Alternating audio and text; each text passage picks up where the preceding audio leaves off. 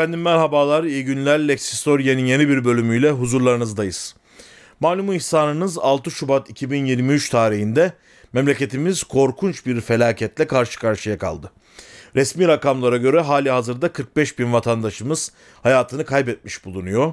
Bir o kadar hayatını eskisi gibi sürdüremeyecek derecede yaralanan, sakat kalan vatandaşlarımız var. Bunlardan çok daha büyük sayıda evsiz kalan, yurtsuz kalan, e, evleri ağır hasarlı olan vatandaşlarımız var. Dolayısıyla çok ağır bir gündemin içerisindeyiz.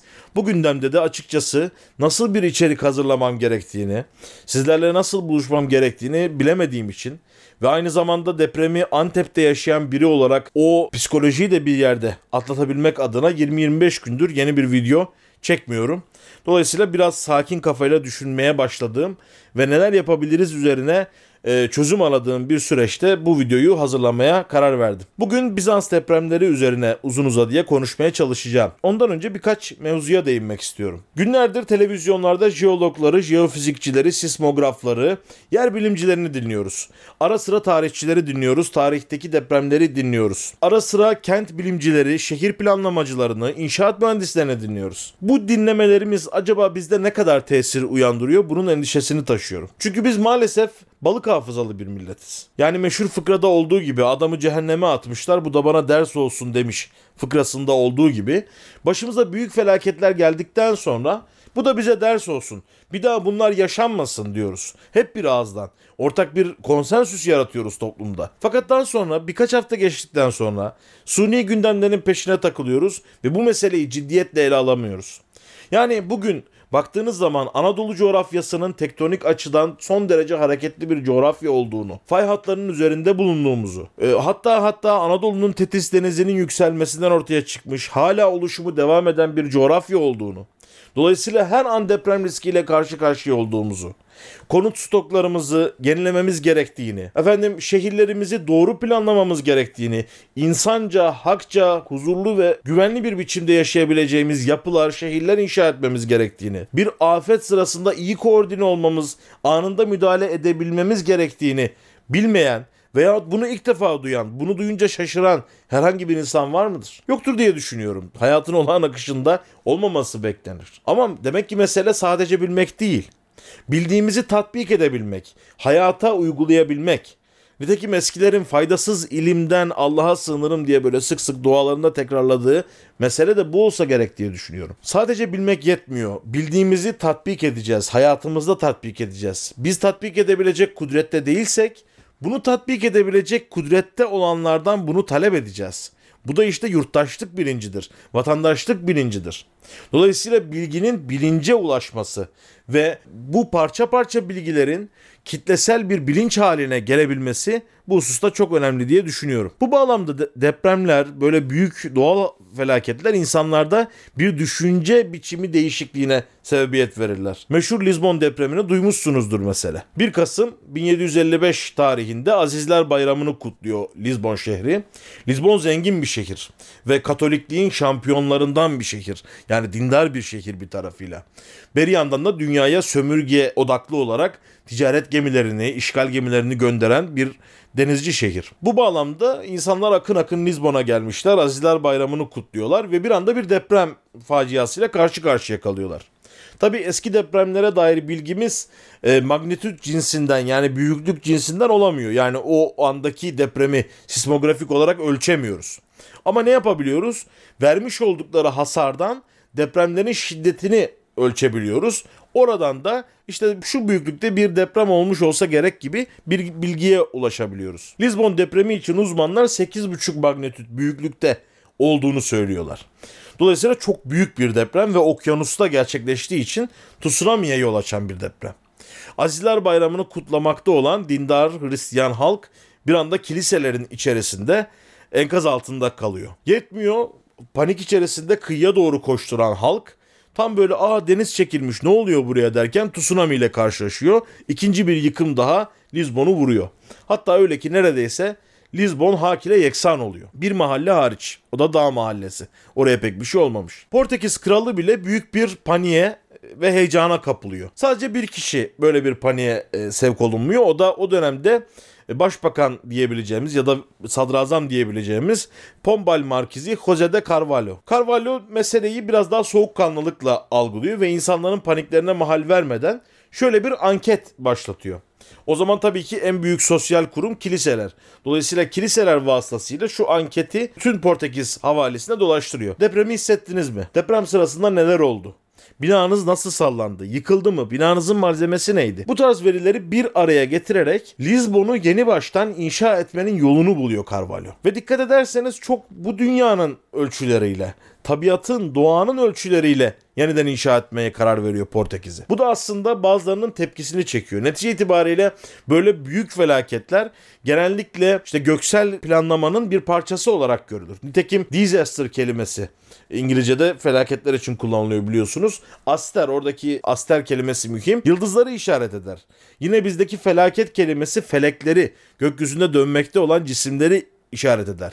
Dolayısıyla gökten gelen böyle bir hadiseyi neden yerde arıyoruz? Neden bunun çözümlerini yerde arıyoruz diye insanlar biraz eleştiriyorlar Carvalho'yu. Fakat şu da toplumda sorulmaya başlanmış o tarihte.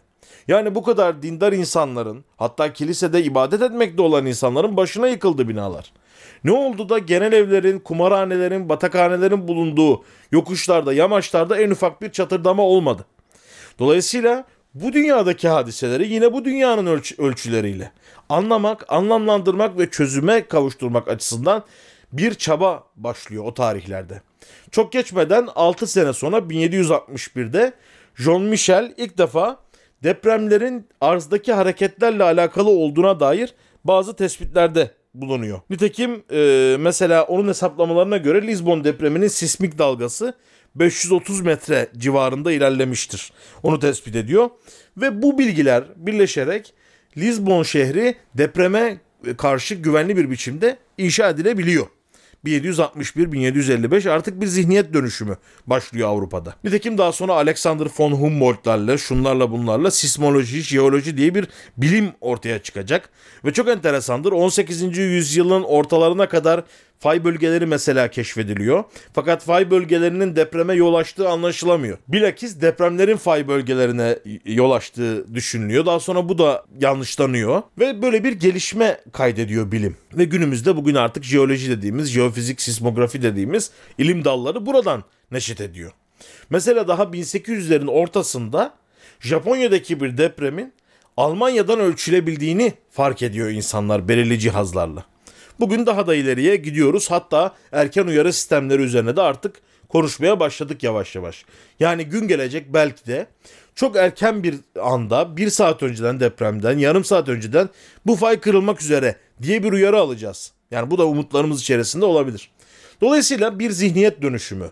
Bu dünyanın dili olan tabiatı iyi bilmek, iyi anlamak. Tabi inançlıysanız Tanrı tarafından bu tabiata konulmuş olan dili iyi anlamak, bunu konuşabilmek. İnançsız bir insansanız tabiatın kendisinde var olan dili iyi anlamak, bunun dinamiklerini doğru bilmek ve bunun üzerine bilim inşa edebilmek, teknik inşa edebilmek meselesi e, hususunda Lisbon depremi bir dönüşüm yaratıyor. Ve aydınlanmanın da aslında çok önemli köşe taşlarından bir tanesi oluyor. Dolayısıyla böyle bir paradigma değişikliği elbette dediğimiz gibi depremlerde söz konusu. Biraz böyle takvimi geriye alalım. Bizim coğrafyamızda Bizans devrinde hangi depremler olmuş biraz buna bakalım. Çok renkli ve enteresan neticeleri olan süreçler bizdeki depremler. Dolayısıyla bunlardan bahsetmek faydalı olacaktır diye düşünüyorum. 358 yılında bir İzmit depremimiz var. Nikomedya depremi. İzmit önemli merkezlerinden bir tanesi.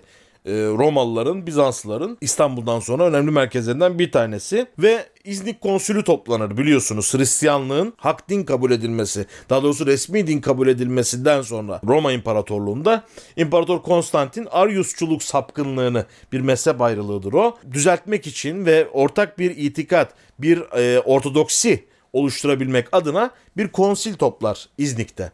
Bu konsilin kararlarını bugün var olan hemen hemen bütün Hristiyanlar kabul ediyor bir iki istisna hariç. Şimdi bu konsilden sonra İmparator Büyük Konstantin'in oğlu ki şehrimizin banisidir bu Büyük Konstantin. Onun oğlu 2. Konstantinus bir konsil daha toplamak istiyor. Ve niyeti şu. Aryusçuluk mezhebi üzerine tekrardan konuşalım. Ve gerekirse Aryusçulara da bir alan tanıyalım. Aryusçuluk mezhebini de biraz kabul edelim. Böyle bir e, taleple İzmit'te bu sefer bir konsil toplamak istiyor. Tam konsilin toplanmasından iki gün önce 24 Ağustos 358 tarihinde bir gece vakti büyük bir deprem yaşanıyor. Bu depremde insanlar evlerinde tabii yakalanıyorlar, uykularında yakalanıyorlar depreme tıpkı Maraş depreminde bugün olduğu gibi. Ve İzmit'in patriği Kekropius da e, enkaz altında kalıyor. Bu enteresan bir hadise oluyor çünkü Kekropius'un Ariusçuluğa yakın bir adam olduğu biliniyor. Ve civardaki diğer Hristiyanlar, Ariusçuluk karşıtı Hristiyanlar bak işte Ariusçuluğa meyil ettiler Allah da bunların cezasını verdi diyerek İzmit depremini nitelendiriyor. Yine enteresan bir hadise var.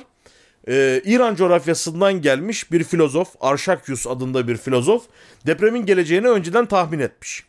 Ve yine çok enteresan bir biçimde deprem sırasında evi hasar görmemesine rağmen evinin içerisinde ölü bulunmuş. Belki de korkudan can verdi adamcağız.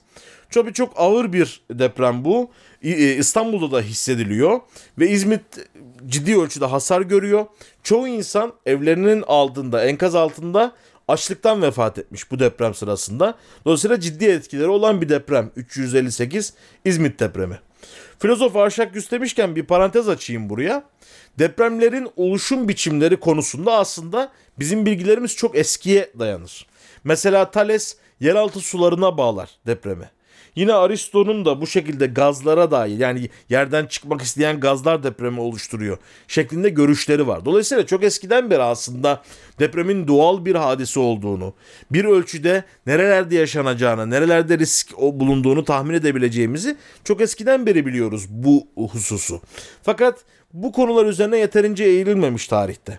Genelde ilahi bir ikaz olarak görmek ve işte bu şekilde geçiştirmek. İşte Ariusçulara siz mail ettiniz bak işte Allah cezanızı verdi şeklinde geçiştirmek yoluna gitmişiz. 365'te yani bu depremden 7 sene sonra İzmit depreminden 7 sene sonra Girit'te çok büyük bir deprem oluyor. Yine tahminen 8,5 magnitütte e, olduğu e, tahmin olunuyor bu depremin. Öyle ki Ege Denizi'nde ve Akdeniz'de dev bir tsunami hadisesi olmuş bu deprem sırasında. Şu bunu şuradan biliyoruz. Kuzey Afrika kıyılarındaki pek çok şehir bu depremden sonra suları altında kalmış. Bir istisnası var o da İskenderiye. Onun içinde şöyle söylerler. İskenderiye'nin meşhur rahiplerinden Aziz Atanasius o sırada e, İskenderiye'de bulunuyormuş. Yükselen tsunami dalgalarını görmüş. Ve onlara demiş ki ey tanrım sen yalan söylemezsin. Nuh'tan sonra bizi tekrardan sele gark etmeyeceğine dair söz vermiştin. Bu su da neyin nesi? Dursun bu demiş ve durmuş rivayet o ki. E, Atanasius'un şefaatiyle diyelim İskenderiye e, depremden kurtulmuş. Fakat dediğim gibi çok büyük bir deprem. Girit neredeyse ciddi bir ölçüde sular altında kalmış. Çok sayıda bina yıkılmış, çok sayıda insan ölmüş ve o günde bir tartışma çıkmış o tarihlerde. Çünkü depremin olduğu tarih biraz tartışmalı. Yani 363 de olabilir. 363 ise şayet İmparator Julianus'un öldüğü tarih. Ve e, Labianus adında bir pagan tarihçi depremi Julianus'un ölümüyle ilişkilendiriyor. Yani Julianus gibi paganlığı yeniden diriltmek arzusunda olan bir imparator ki kendisine mürtet Julianus da denir Bizans tarihinde. Yani Hristiyanlığın yayılması, yayılmaya başlaması daha doğrusu resmi din kabul edilmesinden hemen sonra paganlığı yeniden ihdas etmek için çalışmaya başlamıştır. Enteresan bir adamdır ve Zeus tapınağını şu şunları bunları bir araya getirip tek bir pagan dini yaratmaya çalışmıştır. Fakat Pers kralı 1. Şapur'la harpleri sırasında nereden geldiği belli olmayan bir mızrakla öldürülmüştür. Hatta ölümü sırasında sen kazandın Galileli ya da Cerileli. Sen kazandın Cerileli diye haykırdı. Yani sen kazandın ey Hazreti İsa diye haykırdığı ve Aziz Merkurius tarafından e, öldürüldüğü falan rivayet olunur. Böyle Hristiyan tarihlerinde böyle enteresan bilgiler var hakkında. Bu mürtet Julianus'un ölümüyle bağlıyor Labianus adındaki pagan tarihçi meseleyi. O öldü, yeryüzü feryat ediyor onun gidişiyle diyor. Bir yandan Hristiyan tarihçiler de bak paganlığa dönmeye kalktık. Başımıza Allah ne büyük felaket verdi diye nitelendirilmiş, böyle değerlendirilmiş. Daha sonra 407'de Bakırköy açıklarında bir deprem daha oluyor. 412'de, 437'de yine Bakırköy'de e, Bakırköy'ün önden geçen o fay hattında depremler görülüyor. Bunlar da kayıt altına girmiş ama ciddi neticeleri olmamış. 447'deki deprem çok önemli İstanbul için özellikle. Aslında merkez üssü yine İzmit. İzmit yine dümdüz oluyor. Nikomedya şehri dümdüz oluyor. Fakat İstanbul'da Theodosius duvarları o sırada yeni yapılmış. Yani bugün hala bir kısmını görebileceğiniz surlar yeni yapılmış. Bu surlardan 57 e, burç yıkılıyor. Yani 57 tane burç bu surların içerisinde yıkılmış oluyor bu depremde. Ve çok ciddi bir kayıp söz konusu oluyor. Bunun üzerine Patrick Proclus halkı tövbeye ve nedamete davet ediyor İstanbul halkını. Ve Theodosius, İmparator Theodosius da çıplak ayaklarıyla halkın arasına karışıyor. Hatta insanlardan bazıları haç taşıyorlar ve halk büyük bir heyecana kapılıyor. Aslında ilahi bir dehşeti yaşamış oldukları için büyük bir heyecana kapılıyorlar. Ve çok enteresan Ortodoks menakıbnameleri arasında bir hadise anlatılır. Bu yürüyüş sırasında bir çocuk göğe yükselmiş. Ve bu göğe yükselişten sonra tekrardan aşağı inerken ey ulu tanrım, ey ölmez tanrım bize merhamet eyle diye haykırmış. Bu haykırış e, Ortodoks liturjisine yani e, ayinler sırasında okunacak duaların arasına da girmiş. Özellikle deprem duası olarak da e, Ortodoksların bunu okuduklarını biliyoruz. Dolayısıyla İstanbul'da ve İzmit'te yaşanan bu deprem bütün bir Ortodoks dünyanın liturjisine dahi etki edebilmiş. Tabi sadece liturjiye veya dine olan etkileri önemli değil bu e, 447 depreminin. Aynı zamanda daha sonra e, Hun istilaları sırasında da Theodosius surları çatladığı için bu çatlaklardan insanlar içeri girebilmişler. Atilla komutasındaki Hun birlikleri İstanbul'a girmek için böyle bir yol bulmuşlar. Yani bir güvenlik zafiyeti de oluşturmuş e, 447 depremi. Daha sonra 454'te merkez üssü ve tarihi tartışmalı olmakla birlikte bir Apahunik e, depremi vardır. Apahunik bugünkü Malazgirt civarlarındadır diye tahmin olunuyor. Ve bu da daha çok Ermeni coğrafyasında o dönemde Ermenilerin sık yaşadığı, yoğun yaşadığı bir bölgede yaşanıyor. Dolayısıyla Ermeni e, hagiografyasında yani menakıbname kültüründe bu depremin izlerini biz buluyoruz. Onlar da şöyle bir hikaye anlatıyorlar. Surp Levont adında bir aziz var. Persler bunu ele geçiriyorlar ve yoldaşlarıyla birlikte şehit ediyorlar. Bu şehadet üzerine Revan'da, Mecusi köyü olarak adlandırılıyor Revan. Bugünkü Erivan'dan bahsediyoruz. Orada ciddi bir deprem ve ışık sütunları görülüyor bu deprem sırasında. Bu da çok enteresan. O gün ışık sütunları olarak nitelendirmişler. Hakikaten böyle bir deprem olabilir. Çünkü depremler sırasında belirli gazların açığa çıkmasıyla e, ve havada yan, oksijenle birlikte yanmalarıyla e, birlikte ışıkların görüldüğünü biliyoruz. Hatta yakın tarihlerde videolarda da kaydedildi bu. Dolayısıyla Ermeni hagiografyasında Apahunik veya Erivan depreminde gökyüzünden bu şekilde ışıkların çıktığını ve çok sayıda binanın yıkıldığını görüyoruz. 477'de yine Konstantinopolis yani İstanbul ve Doğu Marmara'yı vuran bir deprem oluyor. 478'de bunun artçısı oluyor. Bu 478'deki deprem İzmit'te ciddi bir hasara yol açıyor. Yine Konstantinopolis'te İstanbul'da büyük bir yıkıma yol açıyor. Tabii şu yıkımlarla ilgili bir şey daha söylemek lazım. Bizans İmparatorluğu'nun yapı stoğu daha çok kireç taşı ve ahşaba dayanıyor. Yani bizim Osmanlı'da olduğu gibi tamamen ahşap yapılar değil. Ahşap yapılar depreme daha dayanıklı. Nitekim mesela 1894 depremi bunu bir sonraki videoda belki anlatırız. Kagir binaların, taş binaların çoğunu yıkarken ahşaplar böyle sallanarak depremden kurtuluyor mesela. Dolayısıyla hatta deprem köşkleri yapılıyor İstanbul'da. Bunu ileride daha geniş anlatırız. Bizans'ın yapı stoğu daha çok kireç taşına dayandığı için her depremde mutlaka ağır yıkımlar yaşanıyor. Tabi akıllanmıyorlar bir türlü. 499'da bu defa Sivas Koyulhisar'da o zamanki adıyla Nikopolis'te büyük bir deprem oluyor. Ve çok enteresan depremden önce Fırat civarında bazı alametler görülüyor yer suları çekiliyor. Hatta bu yer suları çekilince o bölgedeki insanlardan bazıları tabii daha sonradan bunlar kayıt altına alınıyor. Ya bu bir deprem alametidir işte. Yer sularıyla ilişkilidir deprem. E, bilgisini paylaşmışlar. Yani ta Thales'ten gelen bilgi bir şekilde devam etmiş Bizans ülkesinde de. Ve çok enteresan halk Efaristiya e, yani komünyon ayini için kilisedeymiş o sırada. Ve kilise başlarına yıkılmış. Sadece rahip efendi ve bir iki yardımcısı o da oradan geçmekte olan seyyahların yardımıyla kurtulabilmişler. Rahip Efendi'nin ilk söylediği şey bana ekmek ve şarap verin ayin yarım kaldı olmuş. Nitekim ondan sonra e, herhalde onu da temin edildi bir şekilde adamcağız ayinini yapmış. Aynı deprem bu Koyulhisar merkezli olan deprem bizim Elazığ'da vuruyor. Elazığ'ın da o zamanki adı Arso Masata. Orada da benzer bir olay oluyor. İlk belki bir öncü sarsıntı yaşanıyor Elazığ'da. Halk doğrudan kiliseye doğru koşuyor. Aman hani imdad etsinler bize. Çünkü o Arson Masata Kilisesi'nde çok sayıda azizlerin, şehitlerin kemikleri var. Rölikler dediğimiz yani Hristiyan literatüründe rölik denen eşyalar var. Bu rölikler bizi korur diye düşünüyorlar.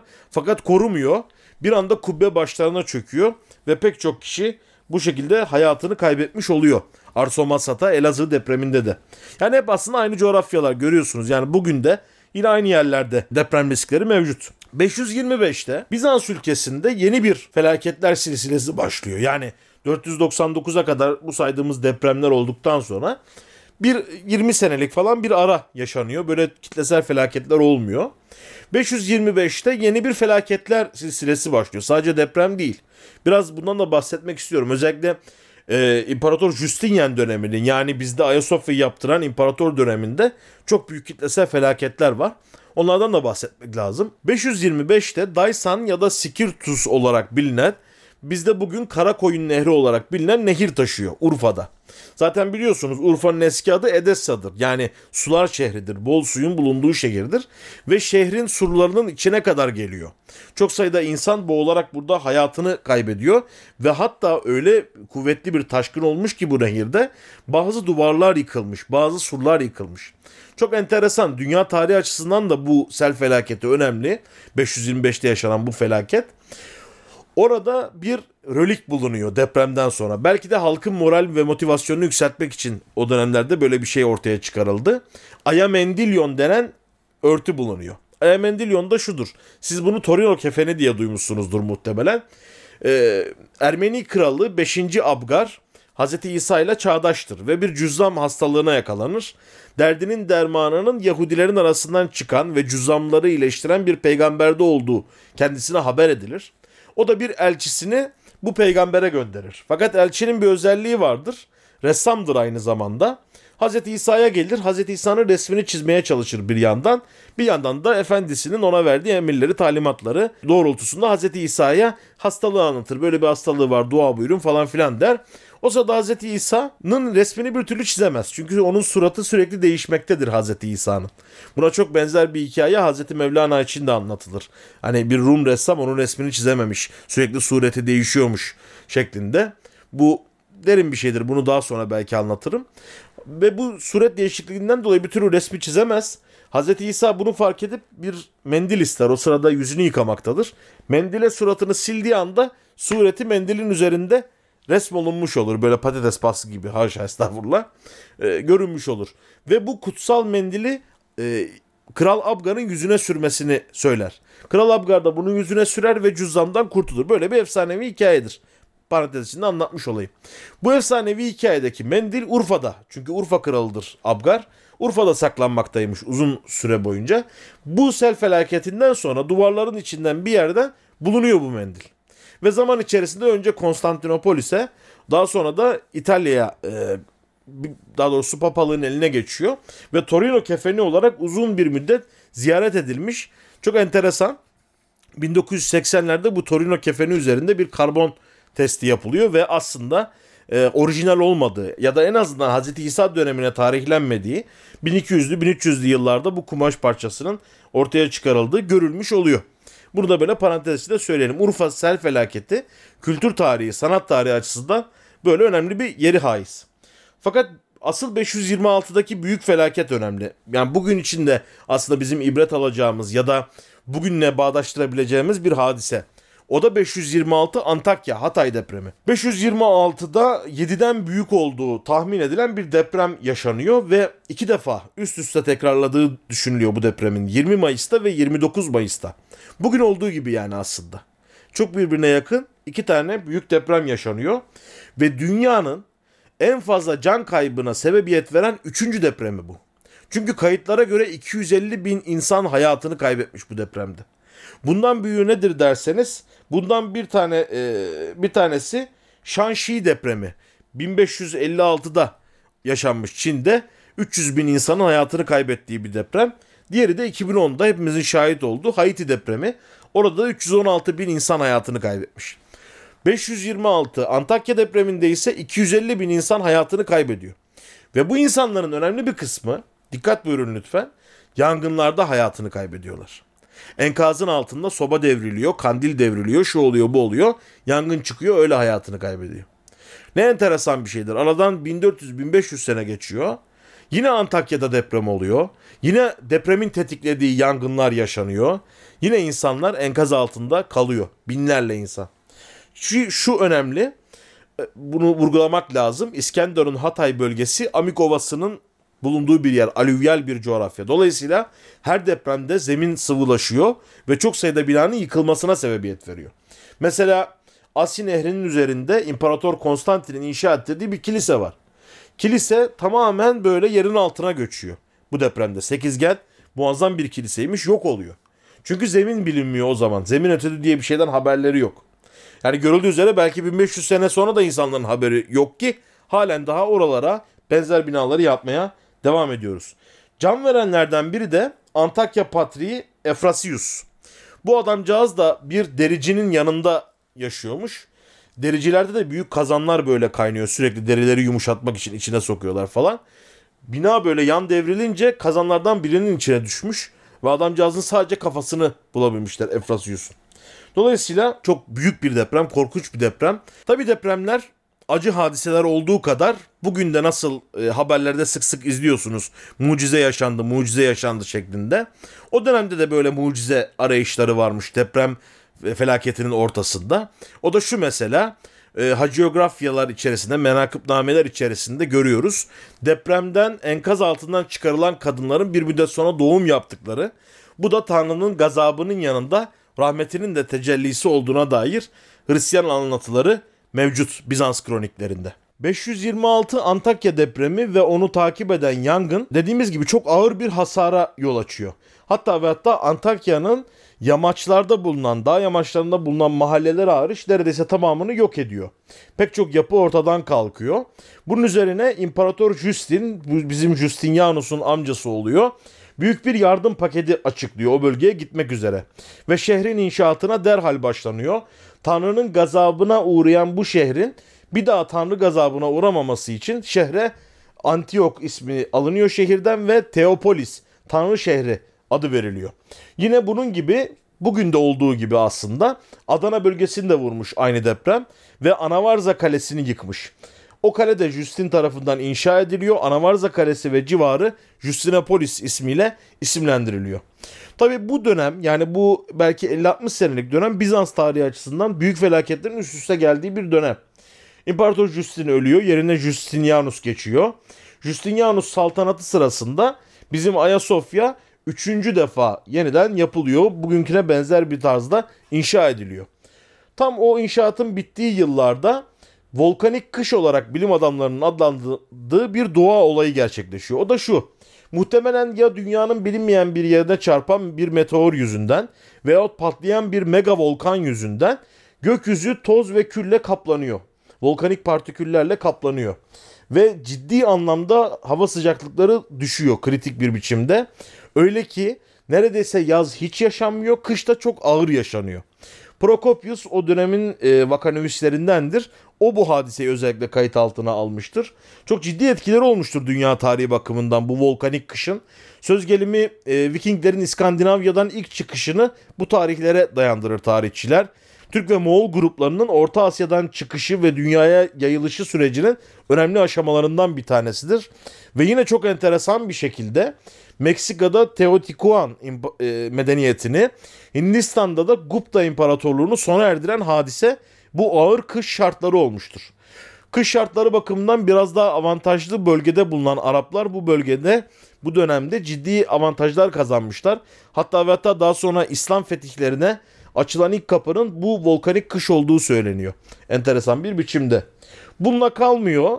Birkaç sene sonra 541'de Tian Shan dağlarından çıkan Yersina pestis bakterisi İstanbul'a ulaşıyor. Bizim veba olarak bildiğimiz ve pek çok sayıda insanın asırlar boyunca ölmesine sebebiyet veren hastalık tam böyle Çin, Kazakistan ve Kırgızistan sınırında Tian Shan dağlarında çıkmış bir hastalık. Çok enteresan yani bugün de pandemiyi yaşadık. Daha sonra bu deprem felaketini yaşadık. Orada biraz tersini yaşamışlar. Ve ciddi bir veba salgını oluyor.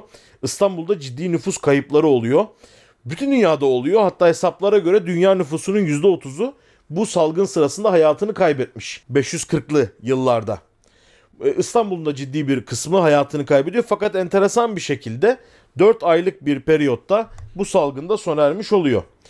Bunlar böyle bir müddet devam ettikten sonra 551'de 7,5 büyüklüğünde bir deprem Beyrut'u vuruyor. Tak, tahmini takribi büyüklüğü 7,5 ve Beyrut'ta tsunami yaşanıyor.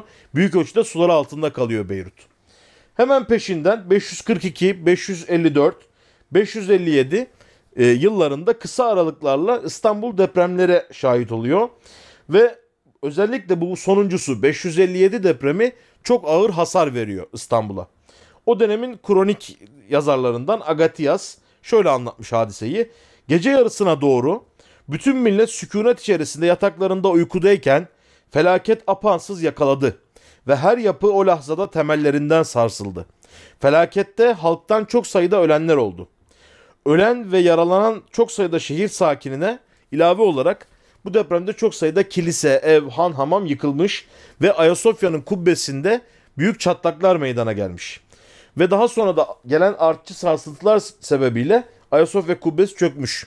İmparator Justinianus bu sefer Isidoros adındaki o meşhur mimarı görevlendirerek bugünkü Ayasofya kubbesiyle hemen hemen aynı hatta aynı büyüklükte fakat daha hafif malzemeden bir kubbe inşa ettirmiş o bölgeye. Yani Justinianus çok önemli bir adam. Bu parantez içinde söyleyeyim. Bütün bu felaketlere rağmen normalleşme süreci için elinden gelen bütün çabayı gösteriyor. Yani çok büyük bir deprem bu 557'deki de. Yani hatta şu söyleniyor. Büyük bir tsunami dalgası yaratmış. Yakın tarihte Marmaray kazıları sırasında açığa çıkan ufak bölgenin, e, yeni kapı açıklarındaki bölgenin bu tsunami sırasında denize kalbolduğu, deniz tarafından yutulduğu tahmin ediliyor. Depremin aslında büyüklüğü 6.4 ama yapı stoğundan dolayı çok ağır e, şiddette hissedilmiş ve ağır hasara yol açmış. Ve enteresan Anatolius adında yozlaşmış bir senatör de bu deprem sırasında ölüyor. Hatta halk diyor ki yani çok çok büyük can kayıpları olmadı. Böyle yozlaşmış tipler aramızdan kayboldu. Ve hatta enteresandır yani hem böyle bir ilahi ikaz, ilahi azap meselesine bağlıyorlar yine konuyu. Bir yandan da tövbekar olduklarını anlatıyor Agatias. İnsanlar tövbe etmişler, büyük ölçüde nedamet göstermişler, bir daha günah işlemeyeceğiz, başımıza neler geldi falan diye düşünmüşler. Ancak bir süre sonra o tövbelerini de unuttular diyor. Yani bizim bugünkü gibi işte aman bir daha yapmayacağız, daha bundan sonra güzel binalar yapacağız, iyi şehirler kuracağız deyip bir müddet sonra unutmamız gibi Bizanslılar da bu ilahi gazap meselesini bir süre sonra unutmuş. Ama enteresan bir olay var. İmparator Justinian e, tacını başından çıkarıyor ve bir matem havasına bürünüyor. Bütün halkına da bu duyguyu hissettiriyor. Bununla beraber bütün halkı örgütlüyor ve bir yardım çalışması, yardım kampanyası bir ölçüde başlatıyor ve halk el birliğiyle İstanbul'u çok kısa bir sürede yeniden inşa ediyorlar enteresan bir şekilde. Daha sonra Justinian de vefat ediyor ve 200 senelik bir periyotta pek fazla deprem, sel felaketi şu bu görmüyoruz. 740 tarihinde Doğu Marmara açıklarında yani muhtemelen işte İzmit dolaylarında diyebileceğimiz bir deprem oluyor. Bu depremde de Ayayirini Kilisesi dahil olmak üzere pek çok bina yıkılıyor. İmparator 3. Leon yıkılan şehir surlarını yeniden inşa etmek için özel bir vergi koymak, deprem vergisi koymak zorunda kalıyor. Bunu da bir yerden hatırlayacaksınız diye düşünüyorum. Ocak 869'da yine bir deprem oluyor. Pek çok kilise hasar görüyor. Ayasofya kubbesinin yarısı yine yıkılıyor. Şimdi zaten bu çok önemlidir. Bunu da bir parantez içinde söyleyeyim. Kubbe tarzı yapılar depremlerde çok ağır hasar alan yapılar oluyor her zaman. Yani bunu tarihten anlayabiliyoruz. Özellikle böyle kilise yapıları, cami yapıları çok fazla hasar görüyor depremden sırasında. Burada da öyle olmuş. İkinci Basileos tekrardan bu kubbeyi yaptırmış. 200 yıl sonra 989'da Trakya'da Yunanistan'ı da vuran büyük bir deprem yaşanmış. Burada da Eutropius Kulesi e, Haliç'in girişindeki büyük bir e, kagir kule yıkılıyor. O, o şekilde tarihe geçmiş. Yine 989'da yani bu saydığım depremde Ayasofya'da bir kubbe kemeri çökmüş ve daha sonra Ermeni mimar Tridates nezaretinde tadil edilmiş, tamir edilmiş. Daha sonra 1010'da bir deprem var, 1011'de var, 1063'te var. Fakat 1063 bunlar arasında çok enteresan bir yere sahip. 1063 depreminde yine işte bazı binalar yıkılıyor, bazı insanlar ölüyor falan. Aslında kendisi de bir din adamı olan Psellos, biraz filozof tarafı da vardır bu adamcağızın. Diğer rahipleri toplayarak deprem ve sebepleri üzerine bir konferans vermek istiyor. Tabii bütün rahipler konferans boyunca şöyle şeyler söyledi. İşte ilahi azap şundan dolayı oldu. İşte kader planında şu vardı, bu vardı. Psellos ısrarla bu hususun doğal bir yapı olduğunu, doğal bir hadise olduğunu, bir şekilde bunun yapısını anlayabileceğimiz hususunda ısrarcı oluyor. Ve bu tartışmaların sonunda Psellos diyor ki siz bunu böyle iddia ediyorsunuz. Fakat görüyoruz ki kiliseler demek ki Tanrı'nın korumasının dışında. Çünkü baktığımız zaman bütün depremlerde ilk kiliseler yıkılıyor. Az evvel söylediğim mesele de bununla bağlantılı aslında. Yani ilk kubbeler yıkılıyor. ilk böyle kamusal binalar yıkılıyor. Madem böyle tanrısal bir gazap niye önce kiliseleri vuruyor diye. Bakın Lizbon depreminden 700 küsür sene önce Psellos aslında bu meseleye uyanmış ve insanları da ikaz etmiş Bizans'ta. Ancak tabi dinleyen olmamış. 1231'de 1296'da iki depremimiz daha var. Yine 1343'te yine iki deprem peş peşe olmak üzere e, İstanbul'u vuruyor ve tsunami'ye yol açtığı bakın çok kayıtlarda bunu da rastlıyoruz. Yani tsunami vakası Marmara'da yaşanan bir vaka. Biz yani böyle olmaz diye düşünüyoruz. Genellikle açık denizlerde olur. Lisbon depreminde olduğu gibi okyanuslarda olur diye düşünüyoruz. Ama pekala tarih bize gösteriyor ki Marmara Denizi'nde yaşanacak bir deprem sırasında da bir tsunami ile karşı karşıya kalabiliriz. Çünkü tarihi olarak bununla karşılaştığımızı biliyoruz. Yine tahmin edersiniz Ayasofya'nın ana kubbesinde çatlaklar oluşuyor. 1354'te şehir surlarına zarar veren bir deprem yine oluyor. Ve 1419'da yine Bursa'da bir meydana gelen deprem İstanbul'u etkiliyor. Bundan sonra yine bazı depremler varsa da kayda pek geçmemiş. Ama enteresan bir şey var. Kritovulos e, İmrosu'dur biliyorsunuz. Gökçeadalı'dır. O sırada İstanbul'da ve İstanbul'un fethi sürecinde 1453'te çok fazla kayıt e, yapmış. Çok fazla kayıt altına almış hadiseleri. Ve diyor ki Türklerin şehri kuşattıkları sırada tuhaf ve görülmedik depremlerin vuku bulduğunu e, kayıt altına alıyor. Ve bunu İstanbul'un düşeceğinin bir tanrısal alameti olarak görüyor Kritovulos. Bu da böyle. Dolayısıyla bu silsilelerden sonra Bizans'ın depremler tarihi sona ermiştir diyebiliriz. Bundan sonrası Osmanlı e, döneminin depremleri olacak. Tabi Bizanslılar, Romalılar bu coğrafyada binalar inşa ederlerken ne derece bunu biliyorlardı bu tartışılır. Yani büyük ölçüde bilgiden yoksun oldukları, yapı bilgisinden, zemin bilgisinden yoksun oldukları tartışılır. Dolayısıyla başlarına gelen zararlara da bir tedbir alamamışlar. Yine aynı yerlerde yine aynı binaları inşa etmişler. Belki en başından bilseydi Konstantin bu kadar deprem riski olan bir yerde bir şehir inşa eder miydi? O da bir soru işareti. Fakat şehrin inşa edildiği günden beri İstanbul'da depremler oluyor ve İstanbul'da pek çok binaya zarar veriyor. Nitekim şehrin fethinden sonra da bir sonraki videoda inceleyeceğimiz üzere depremler bu şehrin yakasını bırakmıyor. Tekrar edelim. Bu coğrafyanın bir gerçeği deprem. Ve e, netice itibariyle evet her şey Tanrı'nın takdiridir inanan bir insan için. Ancak bir de tedbir dediğimiz bir plan vardır. Tedbir dediğimiz bir hadise vardır. Ve deprem daha önceden zararlarını kestirebileceğimiz, bir şekilde zararlarını önleyebileceğimiz bir doğal hadise. Dolayısıyla tabiatı iyi anlarsak, doğayı iyi anlarsak ve bütün bunların yanında ahlaklı, dürüst, doğru ve akıllı iş yaparsak bu felaketlerin daha doğrusu bu doğal hadiselerin bir felakete dönüşmemesini sağlayabiliriz. Dolayısıyla bu bizim elimizdedir. Bir açıdan şöyle düşünebiliriz. Gördüğümüz üzere hep böyle ilahi gazap, ilahi ikaz olarak e, nitelendiriliyor bu hadise ama bir yandan da aslında şunu ikaz ediyor olabilir bu hadiseler bize. Yani doğayı anlayın, tabiatı anlayın, doğru, dürüst, hakça iş yapın ve bunun neticesini alını da ikaz ediyor olabilir. Neden bu açıdan bakmayalım? Neden bu açıdan düşünmeyelim diye düşünüyorum. Dolayısıyla hakça iş yapmanın önemine de vurgu yaptığımıza göre sloganımızı tekrarlayalım. Hakla kalın, hukukla kalın, sağlıcakla kalın efendim.